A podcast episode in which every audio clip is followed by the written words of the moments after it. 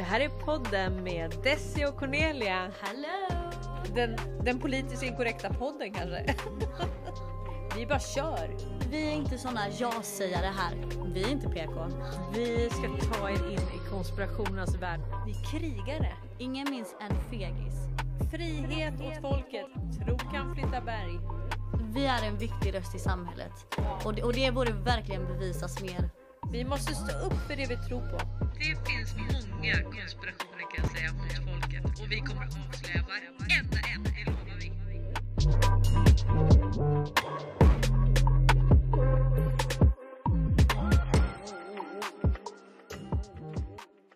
Hej! Hej Desi. Hur är det med dig då? Ah, jag, är, jag är så sjukt taggad idag alltså. Mm. Jag är övertaggad. Why? Jag har gått och samlat hela helgen alltså. Vad härligt. Nej, det, det är liksom när jag, eh, när jag ser drevet Mm. mot oss som valt att inte ta ett experiment Mm. så blir jag helt... Eh, alltså det är, det är mobbing. Mm. Ja men det är det verkligen. Det, det är liksom... Helt plötsligt så är det okej att eh, kalla folk för saker och... Men, men vad hände med eh, liksom det civilis- civiliserade Ja, men, samtalet? Ja men samhället är så här, ja men de säger så här, ja men vi Du har din egna vilja, du får tänka hur du vill, ingen ska döma dig och Ja men du får göra som du vill, du har tryckfrihet, du har yttrandefrihet och hit och Din dit. kropp, ditt val. Ja och det är ju för att vi ska tro att vi är bra människor, vi ska tro att vi är ett bra land. ja. Men av någon anledning Ja. så tänker vi inte så. Nej. Så de vill att vi ska tro att vi tänker bra och att vi är bra människor. Men egentligen så är vi inte bra människor och egentligen så tänker vi tvärt emot än det som kanske grundprinciperna är för människan egentligen kanske. Du, jag hittade så bra meme här. Det är så här. If you allow the government to break the law because of an emergency, they will always create an emergency to break the law. Alltså hur lätt är det inte att skapa en farsot? Hur, hur lätt är det att inte skapa ett, ett labb eller skapa hysteri kring någonting i media? Ehm, hur lätt är det att inte skapa krig, skapa konflikter, be- betala liksom demonstranter, skapa uppror? Alltså, Mm. det är inte Ja, men så. vad var det, var det nu det kom ut på nyheterna att ja, nu ska vi vara oroliga inför höst. För att nu är det, nu kommer råttorna krypa fram i våra lägenheter och hus. Ehm, och det skrämmer ju också svensken lite. Att det kommer komma massa råttor i min lägenhet liksom. Ehm, ja. Du, man, man vill nog inte veta hur många råttor det är under jorden. Jag kan säga att de är betydligt fler än vad vi är i alla fall. Den första måndagen var tredje månad eh, så eh, kommer det ett sånt ljud som är så himla högt att man blir ju jätterädd. Så då så var jag på väg från, efter skolan då till poddstudion. Och så cyklar jag då. då. Så hörde jag jättehögt ljud. Du, du, nej, jag höll på att flyga av cykeln alltså. Ja. Eh, nej men och sen så när jag cyklade tänkte jag Men alltså vad är det vi ska ta vägen om det faktiskt är krig? Var ska vi ta vägen? Alltså när jag växte upp, då visste vi var skyddsrummen låg. Det väl... Var, var är skyddsrummen i Malmö? I have no idea actually. Nej, nej, alltså det är ingenting du får reda på här. Så att, eh, det, det är De lite vill som, ju att vi ska dö om det blir krig liksom. du vet om man gör brandövning på skolan så säger man så det här är mötesplatsen, alla samlas här så man får räkna in dem. Så visste man det liksom. Men här är det bara något ljud liksom. Mm. Eh, men ingen har en aning om var de e- eventuellt skulle behöva gå. Ja, och att ingen ifrågasätter det heller. Alltså det är verkligen och du vet, Och- nu skriver man att ryssen kommer igen ju. Hur många år har vi inte hört det? Ryssen kommer Desi! Ja, ryssen kommer. Mm. Ja, vi får passa oss alltså. Ja det får vi verkligen göra. Nej men jag bara tänker som, som när jag cyklar så tänkte jag den tanken direkt. Jag tänkte kritiskt, var ska jag om det blir krig? Ja. Alltså att inte det har tagits upp tidigare. Eller det kanske det har men då hade jag ju fått reda på vad vi skulle i sådana fall. ja, ja, ja. Så ja. Men du, alltså, jag har någonting att säga nu. Nej. Och det är lite djupt. Ni får bear with me här. Eh, Delara skrev ett så fantastiskt inlägg, hon är på Facebook. Eh, och eh, jag tänkte bara läsa det för att det här är om man läser de kommentarer hon fick på det här inlägget så blev jag mörkrädd. Hon skrev så här. Nu är det lite svordom och så, nu får ursäkta. Överallt syns det. Kavla upp. Var solidarisk. Ta sprutan för fan. Etc. etc. Hur mycket kunskap har dessa människor som tycker att vi ska injicera oss med nödgodkända RMNA-injektioner? Har de fått sin info från andra, andra håll än en sjukt vinklad subjektiv massmedia? Hur många timmar har de ägnat åt att läsa objektiv information? Vad ska det säga sen när sanningen kommer fram? Ska de be offentligt om ursäkt då? För sanningen ska fram, det ska den bara.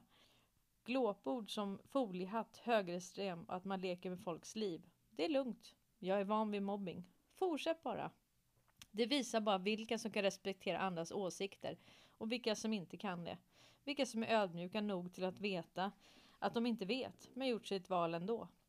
All respekt till människor vilka val de än vill ta. Ingen ska bestämma över din kropp. Men snälla, lägg märke till att jag och många med mig aldrig har påpekat vad du ska göra med din kropp. Jag går inte ut på sociala medier och skriver att du ska vägra sprutor, att du är dum i huvudet, farligt som sprutar i dig dessa injektioner. Fortsätt skriva vad du tycker. Jag kommer fortsätta skriva vad jag tycker. För det fria ordet ska de jävlarna inte få ta ifrån oss. Men skriv respektfullt och låt människor göra vad de vill med sina kroppar. Informera absolut, vilken info du än tror på, men hetsa inte någon till något. Det får vara nog nu med den här sjuka hetsen. Det är ett övergrepp att hetsa folk till att göra ingrepp på sin kropp. Stopp min kropp. Ja, det var så fint Ja, var skrivet och liksom det, det är lite så att att det hetsas åt alla håll och det mobbas och det man kastar glåpord eh, Men jag hörde ju någon idag bara säga så här. Så var det någon som frågade, "Ja, men vågar ni ta vaccinet? Jag bara nej, aldrig. Alltså absolut inte. Och så sa jag liksom att ehm, man får vara försiktig med vad man stoppar in i kroppen. Ja. Alltså man får verkligen vara försiktig med det.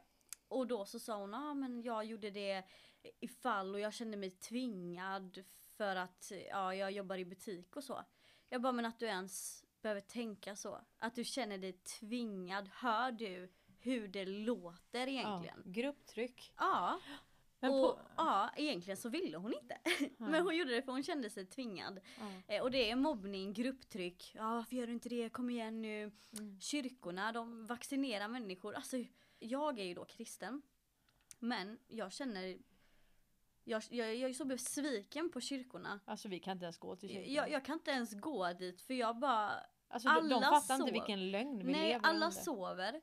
De vill egentligen att jag ska vaccinera mig också för att komma till kyrkan. Ehm, jag bara känner nej. Nej. I alla fall, jag skulle säga, och Delaras fina inlägg där hon skrev just om mobbing, frihet att få välja och att inte hetsa någon annan. Då skriver en Rickard Anderlund så här. Jag skrev till honom att jag kommer prata om honom i podden så att eh, jag har väl fått godkänt då ungefär. Hoppas du tackar nej till det samhället erbjuder i form av skola, vård etc.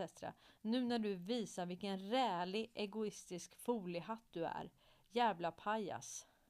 Och då, då svarade Lara så här att det är precis det är precis det här jag menar.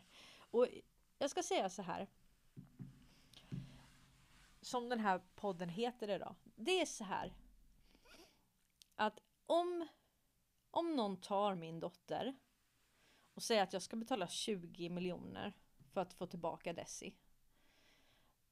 Då, då har vi alltid lärt oss att nej, man ska inte förhandla med terrorister. Eh, det blir inte bra utan man ska, man ska försöka prata sig ur situationen. Okej? Så okej, nu har de tagit min frihet. De har tagit en gisslan. Och så säger de så här, nu ska du göra det här och det här för att få tillbaka det. Men jag säger som, som i alla filmer, jag förhandlar inte med terrorister. Mm. Så enkelt är det. Jag kommer inte eh, jag kommer inte förhandla på, de nivå, alltså på den nivån. Jag kommer inte böja mig för deras krav. För att vi vet att det här är ett abonnemang. Vi pratar fem sprutor, sex sprutor, sen pratar vi boosters var 90 dag. Ja, här- och, och mixtra vaccinerna. Ja, jag blandar Ja. dem med hej vilt. Absolut, det kan inte bli bättre. Och sen, alltså det här är så att jag Säg när sprutorna kostar 4000 och du ska ta dem var 90 dag för att upprätthålla det här vaxpasset. Jag fick från Kivra idag att jag kunde lägga in mitt vax. Eh, alltså du vet, alla är med på det här va.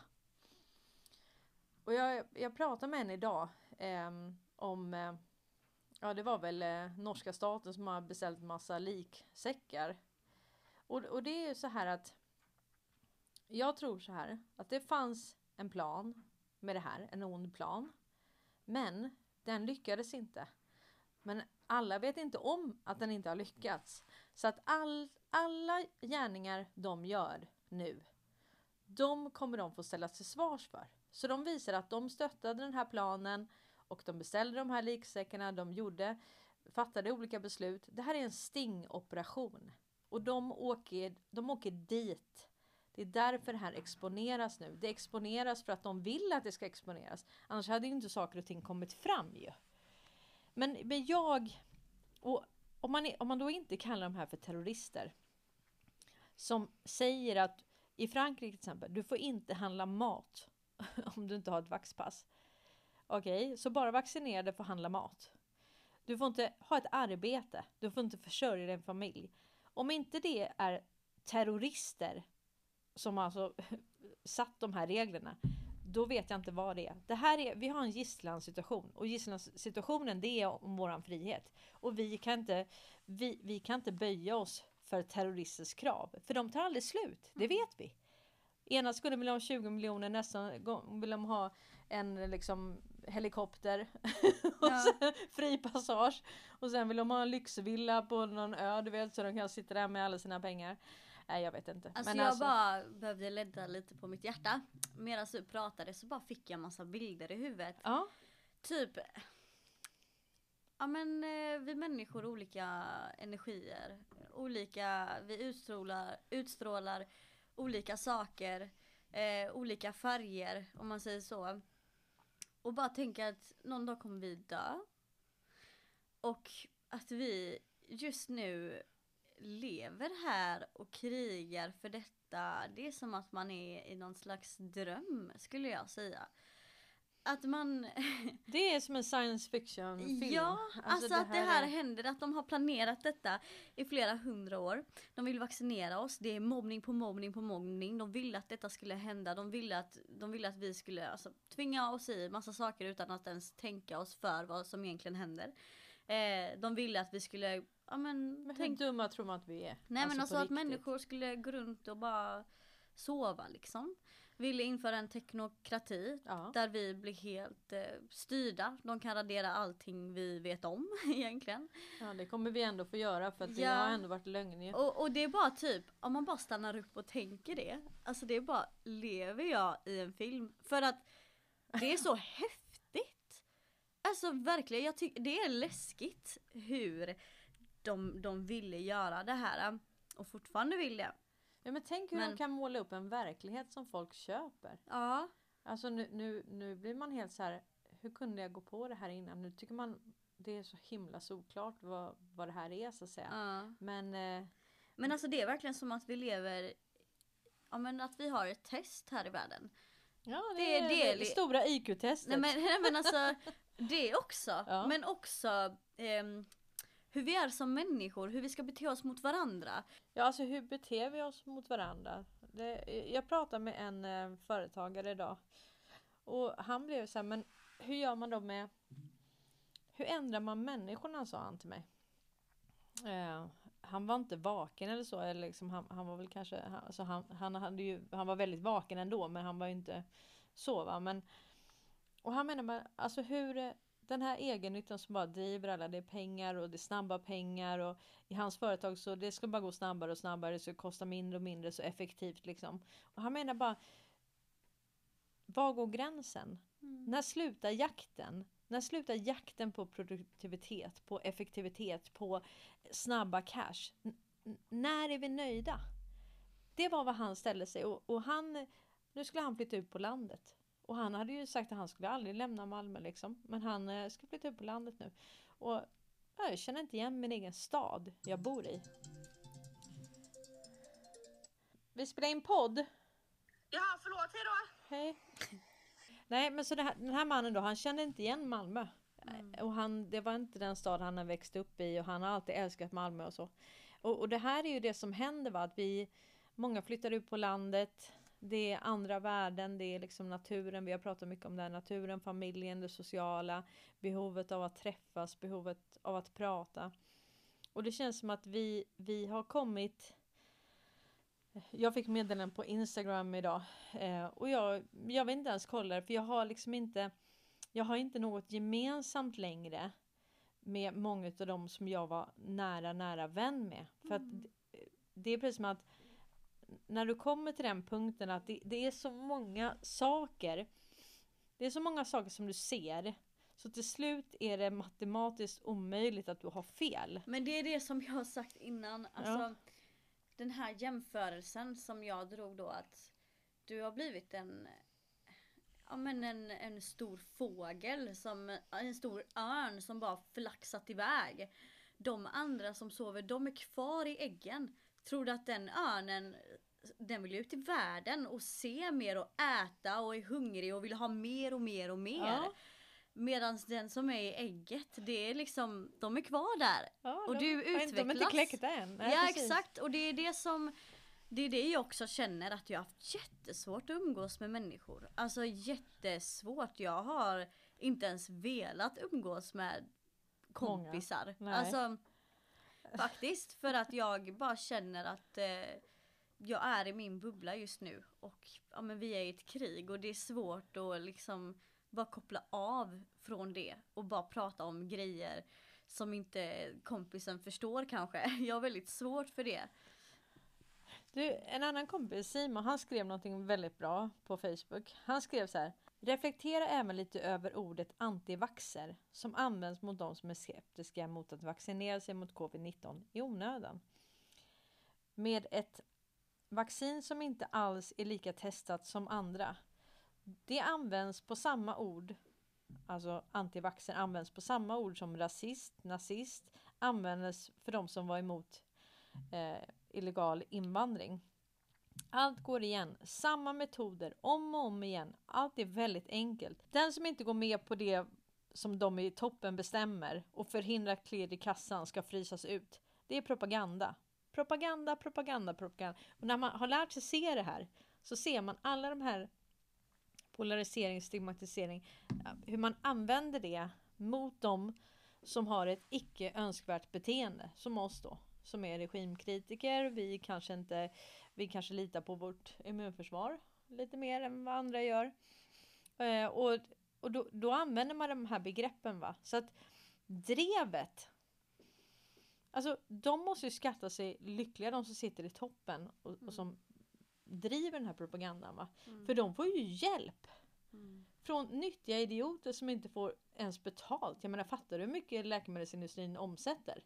Ja men någon procent där borde väl i alla fall vara lite rimligt va? Nej då gör man det gratis. Jag är en ny människa för dig nu. Du ska berätta för mig att Corona ehm, är, ehm, ja men det är planerat. Det är det, var, det, var, det var en pandemi. Mm. Eh, partierna är en kuliss. Ja. Ehm, det finns något som heter djupa staten Ja. som har en plan för att eh, minska befolkningen och att kunna kontrollera oss och göra oss till slavar. Ja. De vill införa en teknokrati och ekonomiska systemet, alltså allting. Och kontrolleras med Ja. AI. Ja. Och då Chippa så, oss. då så sitter de och tänker, alltså det är som att det inte går in i hjärnan och så tänker de foliehatt, konspirationsteoretiker. Och det är bara Rasist, nazist, Ja, ja högerextrem. högerextrem. Ja, och men det är bara Men alltså tror du på allvarligt talat att de rikaste i världen bryr sig om dig?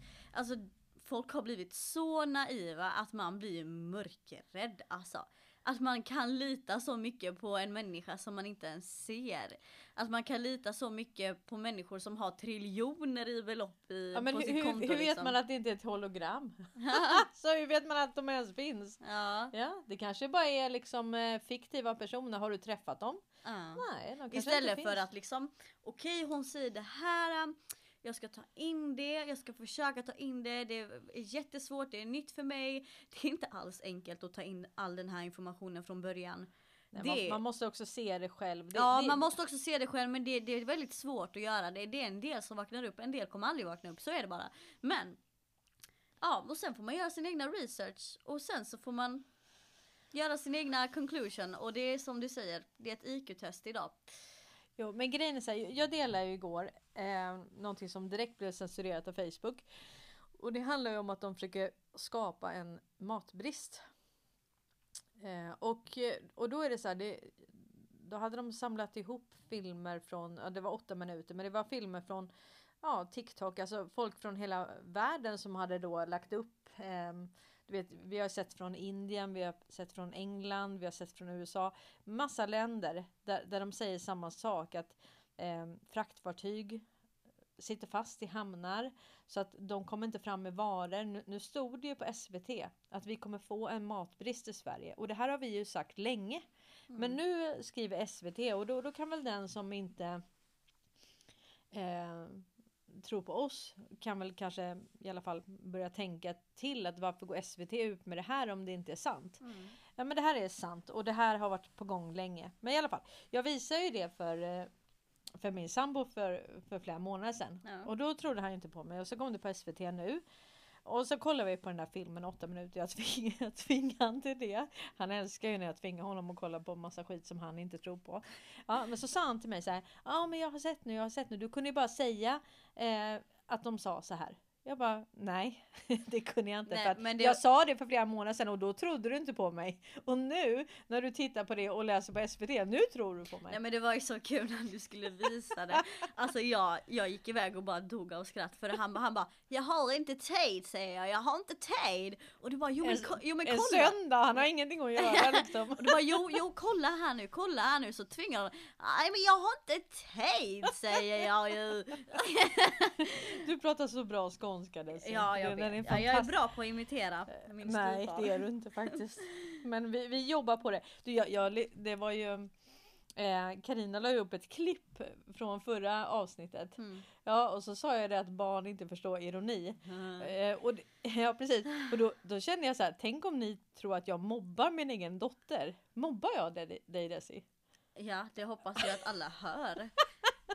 Se vad jag står ut med här hemma. ja. Nej men alltså det, det är ju så här att eh, det, man kan säga att det är ju inte så lite hjärntvätt som, som ni har blivit utsatta för. Nej. Det, det är ju långt mer än vad vi har blivit, vi som är äldre. Mm. Så att det, det, har ju varit lite hårdare att bryta den. Ja. För att varför det är så svårt att bryta den här på ungdomar, det är ju för att de pallar inte. De orkar inte läsa en artikel. Jag kommer ihåg i början Desi, du, du orkade inte läsa en hel artikel. Nej jag orkade inte ens lyssna om någon hade ett engelskt tal på 10 minuter. Nej.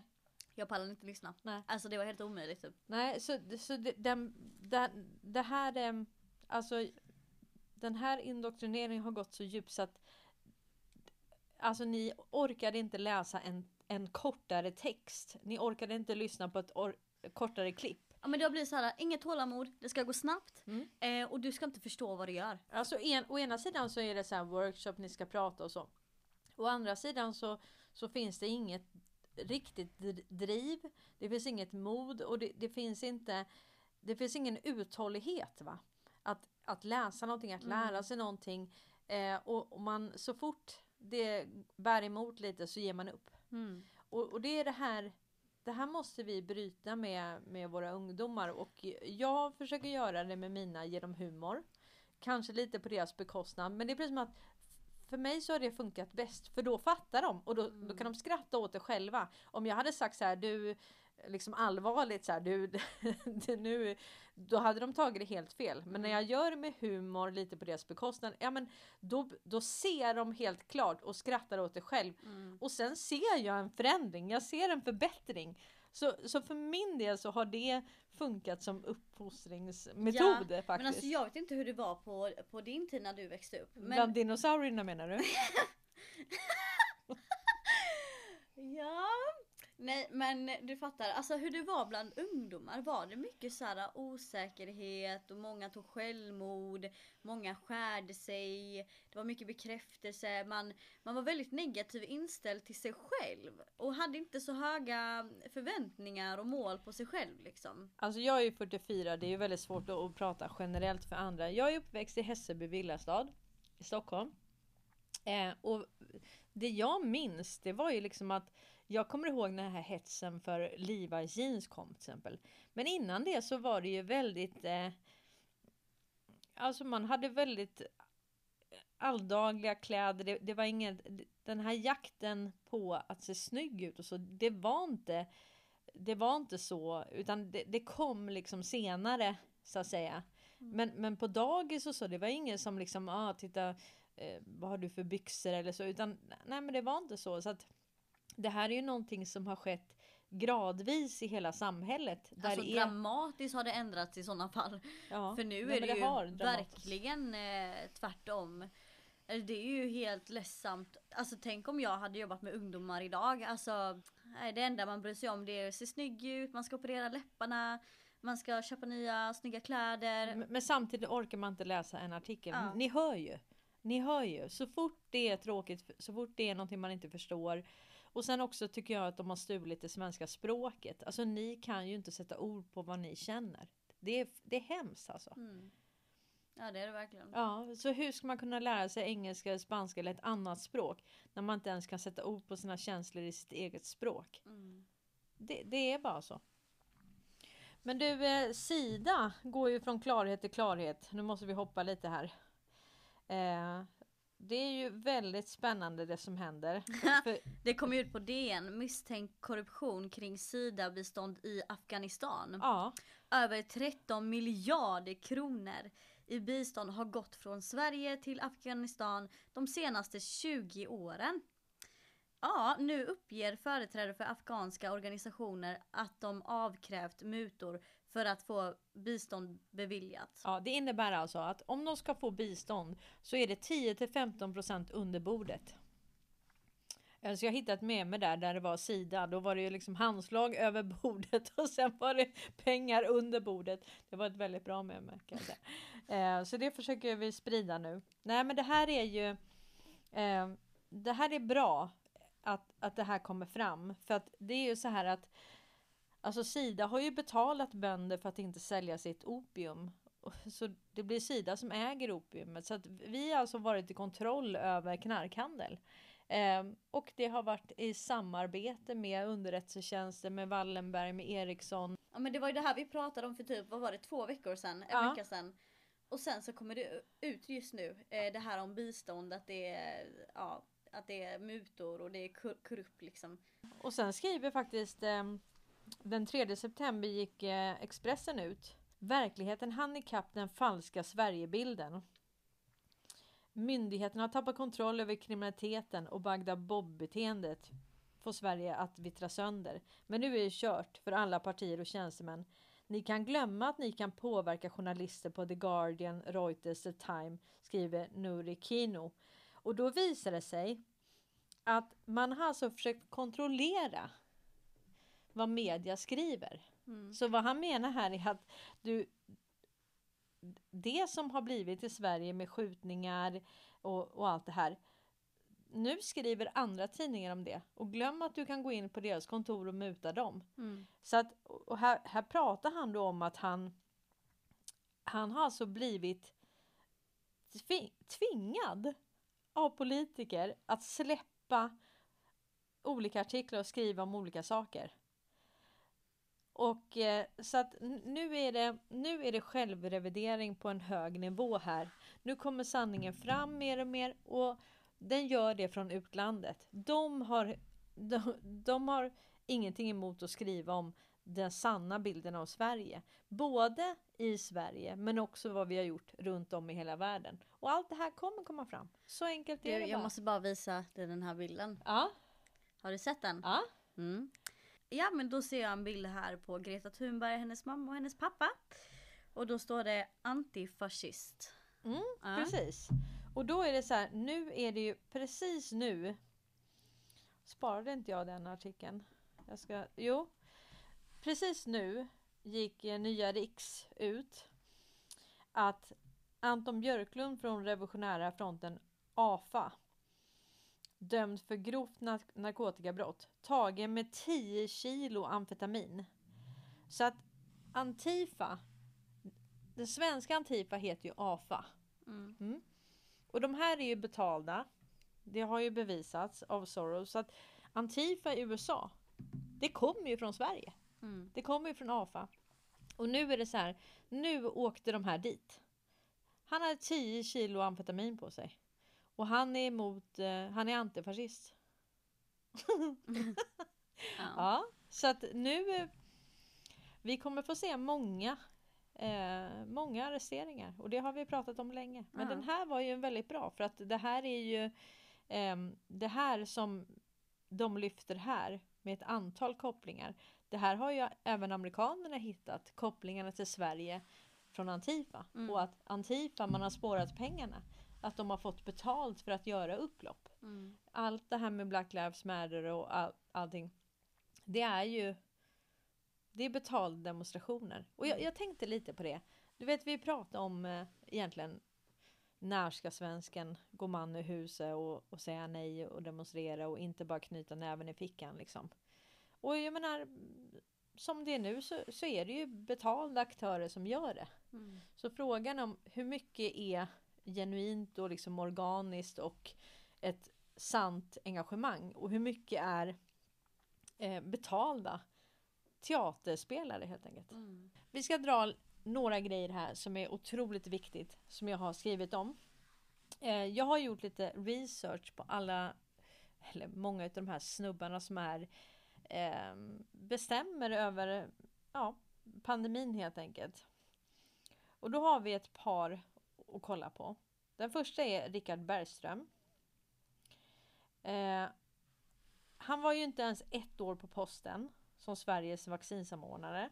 Då blev han redan JO-anmäld för att ha använt sin privata Gmail för att skicka sek- sekretessbelagd information om AstraZeneca och Pfizer. Han kommer från Karolinska institutet, Wallenberg alltså. Han har varit rådgivare för WHO. Tänk Tedros, Umeå universitet, gensaxar. Och sen så har jag då Eh, och han vill ju såklart inte kommentera då att han använder sin privata Gmail-server. Sen den andra har vi då Björn Eriksson. Han är en ny chef för Läkemedelsverket. Han kommer från Wallenbergs AstraZeneca. Han har pluggat på Handels, alltså, eller Wallenberg. Och han har arbetat på Karolinska institutet. Mar- Marcus Oskarsson, kajalmackan då som vi kallar honom. Han eh, kommer från Peter Wallenbergs internationella ledarskapsutbildning. Han ser ju inte ens ut som en riktig människa. Han ser ut som en cartoon liksom. Och sen har vi då Christer Jansson. Folkhälsomyndigheten. Eh, Christer Jansson, Folkhälsomyndighetens presschef. Han är tidigare PSYOP-officer i det militära. Han har arbetat på MSB och han har också pluggat på Umeå universitet. Matti Sellberg med de läskiga ögonen. Karolinska institutet. Också delägare i Svenska vaccinfabriken. Han ljuger rätt upp och ner. Han tycker nu att bebisar ska börja få vax. För det är klart. De har ju inte hunnit bygga upp sitt immunförsvar och vi är ju, de är ju emot immunförsvar. Det är ingenting som är något bra att ha. Det är bättre att få tiotusentals sprutor. Mm. Sen har vi Johan Giesecke. Han kommer från, han var ju då tidigare var han ju eh, på Folkhälsomyndigheten, det som eh, eh, Tegnell är nu. Han har kommit från Karolinska institutet. Han har jobbat på Folkhälsomyndigheten. Han jobbar också i, han är väl någon senior rådgivare på WHO. Ehm, sen har vi Andreas ehm, Sen har vi Anders Tegnell. Tidigare WHO, nu på Folkhälsomyndigheten. Sen har vi då Karolinsk, Karolinska institutet. Deras kopplingar till Bill och Melinda Gates Foundation. Gates har donerat och besökt Karolinska flera gånger. Han är största bidragsgivaren till WHO. Han äger aktier i Pfizer och Moderna. Han äger Gavi. Eh, och Gates betalar även licensavgifter till Wallenberg för att Mi- Microsoft ska få finnas på internet och har givetvis sina servrar i Sverige. Alltså det här är det här är inte svårt nu. Du har Fauci. Hans dotter jobbar på Twitter. Mm. Ja, så du har hela den här eh,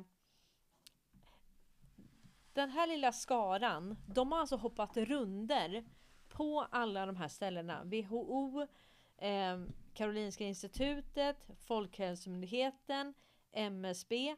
Alla de bara hoppar runt. Ja. Och det är inte... Alltså man måste öppna sina ögon nu och se Alltså vilka känner vilka? Var Mm. kommer de ifrån? Vilken skola har de? Vem är de lojal mot? Är Mm. det mot dig och din hälsa? Mot oss? Eller är det mot de här finansiella intressena? Eller är det mot dem själva? Det är klart att de är lojala mot sig själva. Liksom. Ja, ja, ja, det är deras egen plånbok ju. Det är klart att det här är ju, tänk dig att liksom Sverige trycker massa pengar eh, för att ge till vaxbolagen för, för, för massa miljoner doser. Alltså och jag som, menar, som bara ska tryckas ut på oss ju. mm, jag menar varför ska vi vara lojala mot dem när inte de är lojala mot oss? Nej. Och sen är det nu så att Pfizer, de har ju fått godkänt under förutsättning att de lämnar in all dokumentation. Det är väl bara några dagar kvar Mm. till det ska ske. Samtidigt så har du att man stoppar allt vaccin i, i Japan för att de hittar massa metallföremål. Och det är det vi har sagt, att vissa blir magnetiska. Man har till och med sett dem skära ut metallbitar från kroppen. Och då säger man att ah, men det är bara en konspirationsteori. Ja men det är det ju inte. För nu har ju japanska forskare, det har ju stoppats i Japan. Mm. Så att det är bara så här att det, det vi säger här, vi är bara ett par månader före. Alltså det är en konspirationsteori. Alltså tiden mellan konspirationsteori och konspirationsfakta. Det är i den här världen nu allt från några dagar till ett par månader. Mm. Det vi har sagt för, eh, för ett tag sedan, alltså det här med rubbningar i menscykeln, allting. Det kommer fram och sen står det på nyheterna. Mm. Det vi säger om matbrist, att de planerar matbrist, att det är planerat. Att staten har gått in och gett pengar så de har fått en och en halv gånger pengarna för sin skörd för att förstöra skörden. Mm. Det, och det, det är så man, man skapar en, matbrist här. Kan man kontrollera maten så kan man kontrollera folket. Så man försöker på alla plan. Mm. Men det här kommer ju inte att lyckas. Men Nej. Men jag vill bara säga en sak nu. Att eh, man måste ju känna efter, det är ju väldigt konstigt det som kommer ut på till exempel nyheterna nu. Så den 3 september, jag, det här är sjukt egentligen, men jag vet inte hur det svenska folket ens reagerar på detta, de som inte är vakna då.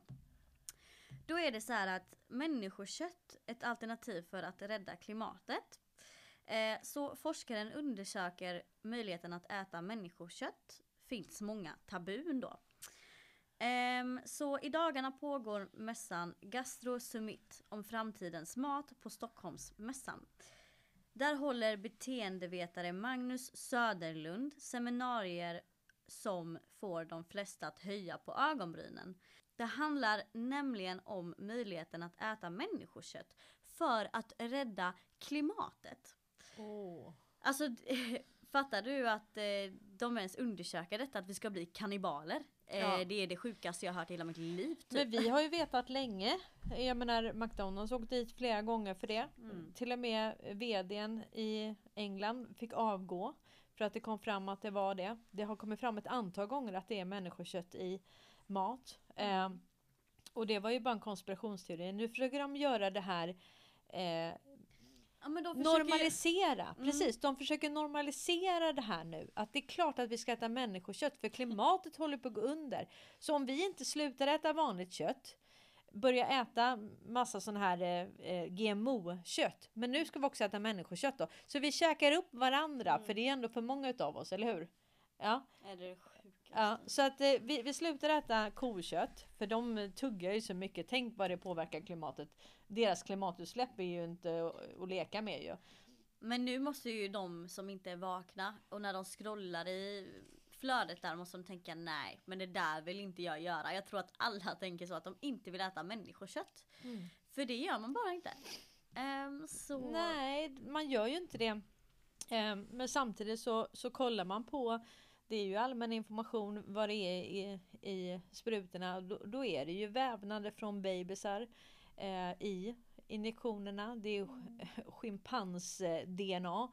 Jag menar, ja, du kan inte klara det utan det Desi. Nej. Du måste ha det, det är självklart. Eh, nej, men så att om vi summerar den här podden så är det så här. Att våran frihet, den är inte under förhandling. Utan vi går ifrån förhandlingsbordet helt enkelt nu. Och vi kommer inte att köpslå med er. Utan vi har vår frihet, ni får göra vad ni vill. Men vi kommer aldrig förhandla med terrorister. Och våran frihet, den är inte förhandlingsbar. Okej? Så ni bestämmer inte om jag är en fri människa eller inte. Ni bestämmer inte vad jag ska få gå, vad jag ska få göra. Jag är en fri människa och jag kommer inte. Jag kommer inte ens komma till förhandlingsbordet utan det är. Vi går skilda vägar här och nu Mm. och alla de som står för det här med vaxpass, alla de som står för eh, det här, den här totalitära teknokratin, alla ni som tycker att det är en bra idé. Ni är förkorkade för ert eget bästa och vi går skilda vägar här och nu. Jag har, alltså det finns så otroligt många smarta, pålästa, engagerade människor som jag har hittat i det här. Så att om du var min vän innan och du sympatiserar med de här tankarna med vaxpass och allt det här. Då är det bara så här, vi är för långt ifrån varandra. Ibland växer man ifrån varandra. Man kommer till olika punkter i livet där, man in, där det inte går ihop helt enkelt. Mm. Och nu har, nu har jag hamnat där med väldigt många människor. Och det, det, det är sorgligt och så. Men, men jag måste vara lojal mot mig själv, min familj, mina barn, mina barnbarn. Och jag väljer att kämpa för våran framtid. Mm. Så enkelt är det. Exakt. Ja men det, det känns så härligt. Ni är alla riktiga krigare och när det här är slut så Ja, vi ska fira. Ja vi ska fira. Ja, det alltså måste det- vi göra. ja, vi ja, måste göra värsta festivalen. Ja och, men Jumbaja runt en eld någonstans ute i skogen eller något. Jag vet inte. exakt. Jag, jag, vi är ju inga skogsmänniskor men vi har ju nästan blivit det i det här. Ja, vi har blivit riktiga foliehattar där sig. ja men det kommer ju vara något positivt sen Ja, ändå. ja, det Eh, kommer vara positivt. Det, är- det är ett... Det är ett eh, alltså de tror att de slänger glåpord men vi tar det som en komplimang. Ja. Det är vi, vi är teflon, eh, alltså jag tror att den här eh, Men- foliet gör att det fastnar inte liksom. Nej men ja, det är också så kul att du eh, liksom bara tycker det är kul. För till exempel Ja men om min styvpappa säger så, ja du borde köpa den här kepsen. Ja, du bara, nej men jag borde köpa den här foliehatten istället. Foliehatten hade varit bra. Han bara, ja det här är verkligen. Att du liksom, vad, vad sa han i helgen? Han sa så här, det här, det här är äkta. Ja, vi höll på att rensa okej jag måste berätta en sak här. Vi rensade då skafferiet, vi rensade köket, liksom det som vi inte skulle ha, det skulle vi kasta och så skulle vi få mer ordning på det för han är väldigt så här ordning och reda som Ja. riktig projektledare liksom och Ja. vill kontrollera allting. Mm. I vilket fall så hittade han jättemycket ris och mamma hade gömt massa pasta och ris och sånt för Jag hade han. bunkrat men inte Ja. visat honom. Ja. Jag har gömt det i skåpen. Så då var ju inte det här så positivt för mamma att rensa ut allting. För att jag då, ville ju helst inte det. För då fick ju han se hur mycket hon hade köpt då. Så hittade han väl typ, ja men totalt kanske 5 kilo ri- ris, kanske 5-6 kilo ris i skåpet då. Och sen så när vi var klara med allting så hade vi ett skåp kvar. Och där var det bara, ja men massa där, eh, typ burkar och brödrost och så. Och längst inne, där då hon hade gömt en 5 kilo eh, rispåse. Ja, då fick han ju Nej, tuppmjuk. och vet du vad han sa? Han bara Skojar du med mig? Inte undra på att du kallas för foliat. Inte bara, på att du Cornelia, kallas för här- Det här har gått överstyr. Det här har gått över styr. Och då så jag höll på att dö av skratt och mamma kommer dit och bara ja men vadå det är ju när jorden går under. Ja precis, det, jag säger alltid det, det är när jorden går under. Men vad han missade att se det, det var ju min fem liters dunk med kollodialt silver. Det missade han och jag bara tänkte, bara han inte hittar den också då, då är liksom måttet rågat. Alltså då, då, då blir jag skjuten på öppen gata alltså. Shit Nej. alltså. Nej men så Ah. det var ju så kul och det är bara så kul att du bara kan ta det som skämt liksom att du kan göra det till en rolig grej att du bara ja, ja foliehatt jag ger mig en foliehatt jag kommer vara stolt över det liksom. Ja, nej, och sen, men sen när jag skickade det där, jag helt plötsligt så trodde han på det här med matbrist och så. Och det här var alltså dagen efter som vi gick igenom det här. Men, men alltså jag kände mig riktigt utsatt när han sa det att Cornelia, du fattar att det här har gått överstyr. Jag bara tittade på honom, jag bara ja. jag kände mig som en unge som blev ertappad liksom. Ja, men eh, ja, och hon, vad sa han mer? Vi kan bjuda in hela kvarteret och, och käka. Så har ni, får ni ingen pasta sen så har vi. Ja, ja det var det han sa. Ja. Vi kan ju bjuda in hela Malmö, vi kan ju bjuda hela Malmö på resmål här ju. Ja, men i alla fall, nu måste vi avsluta faktiskt. Ja det måste vi. Ha det Ha det fint. gott allihopa. Hej hej.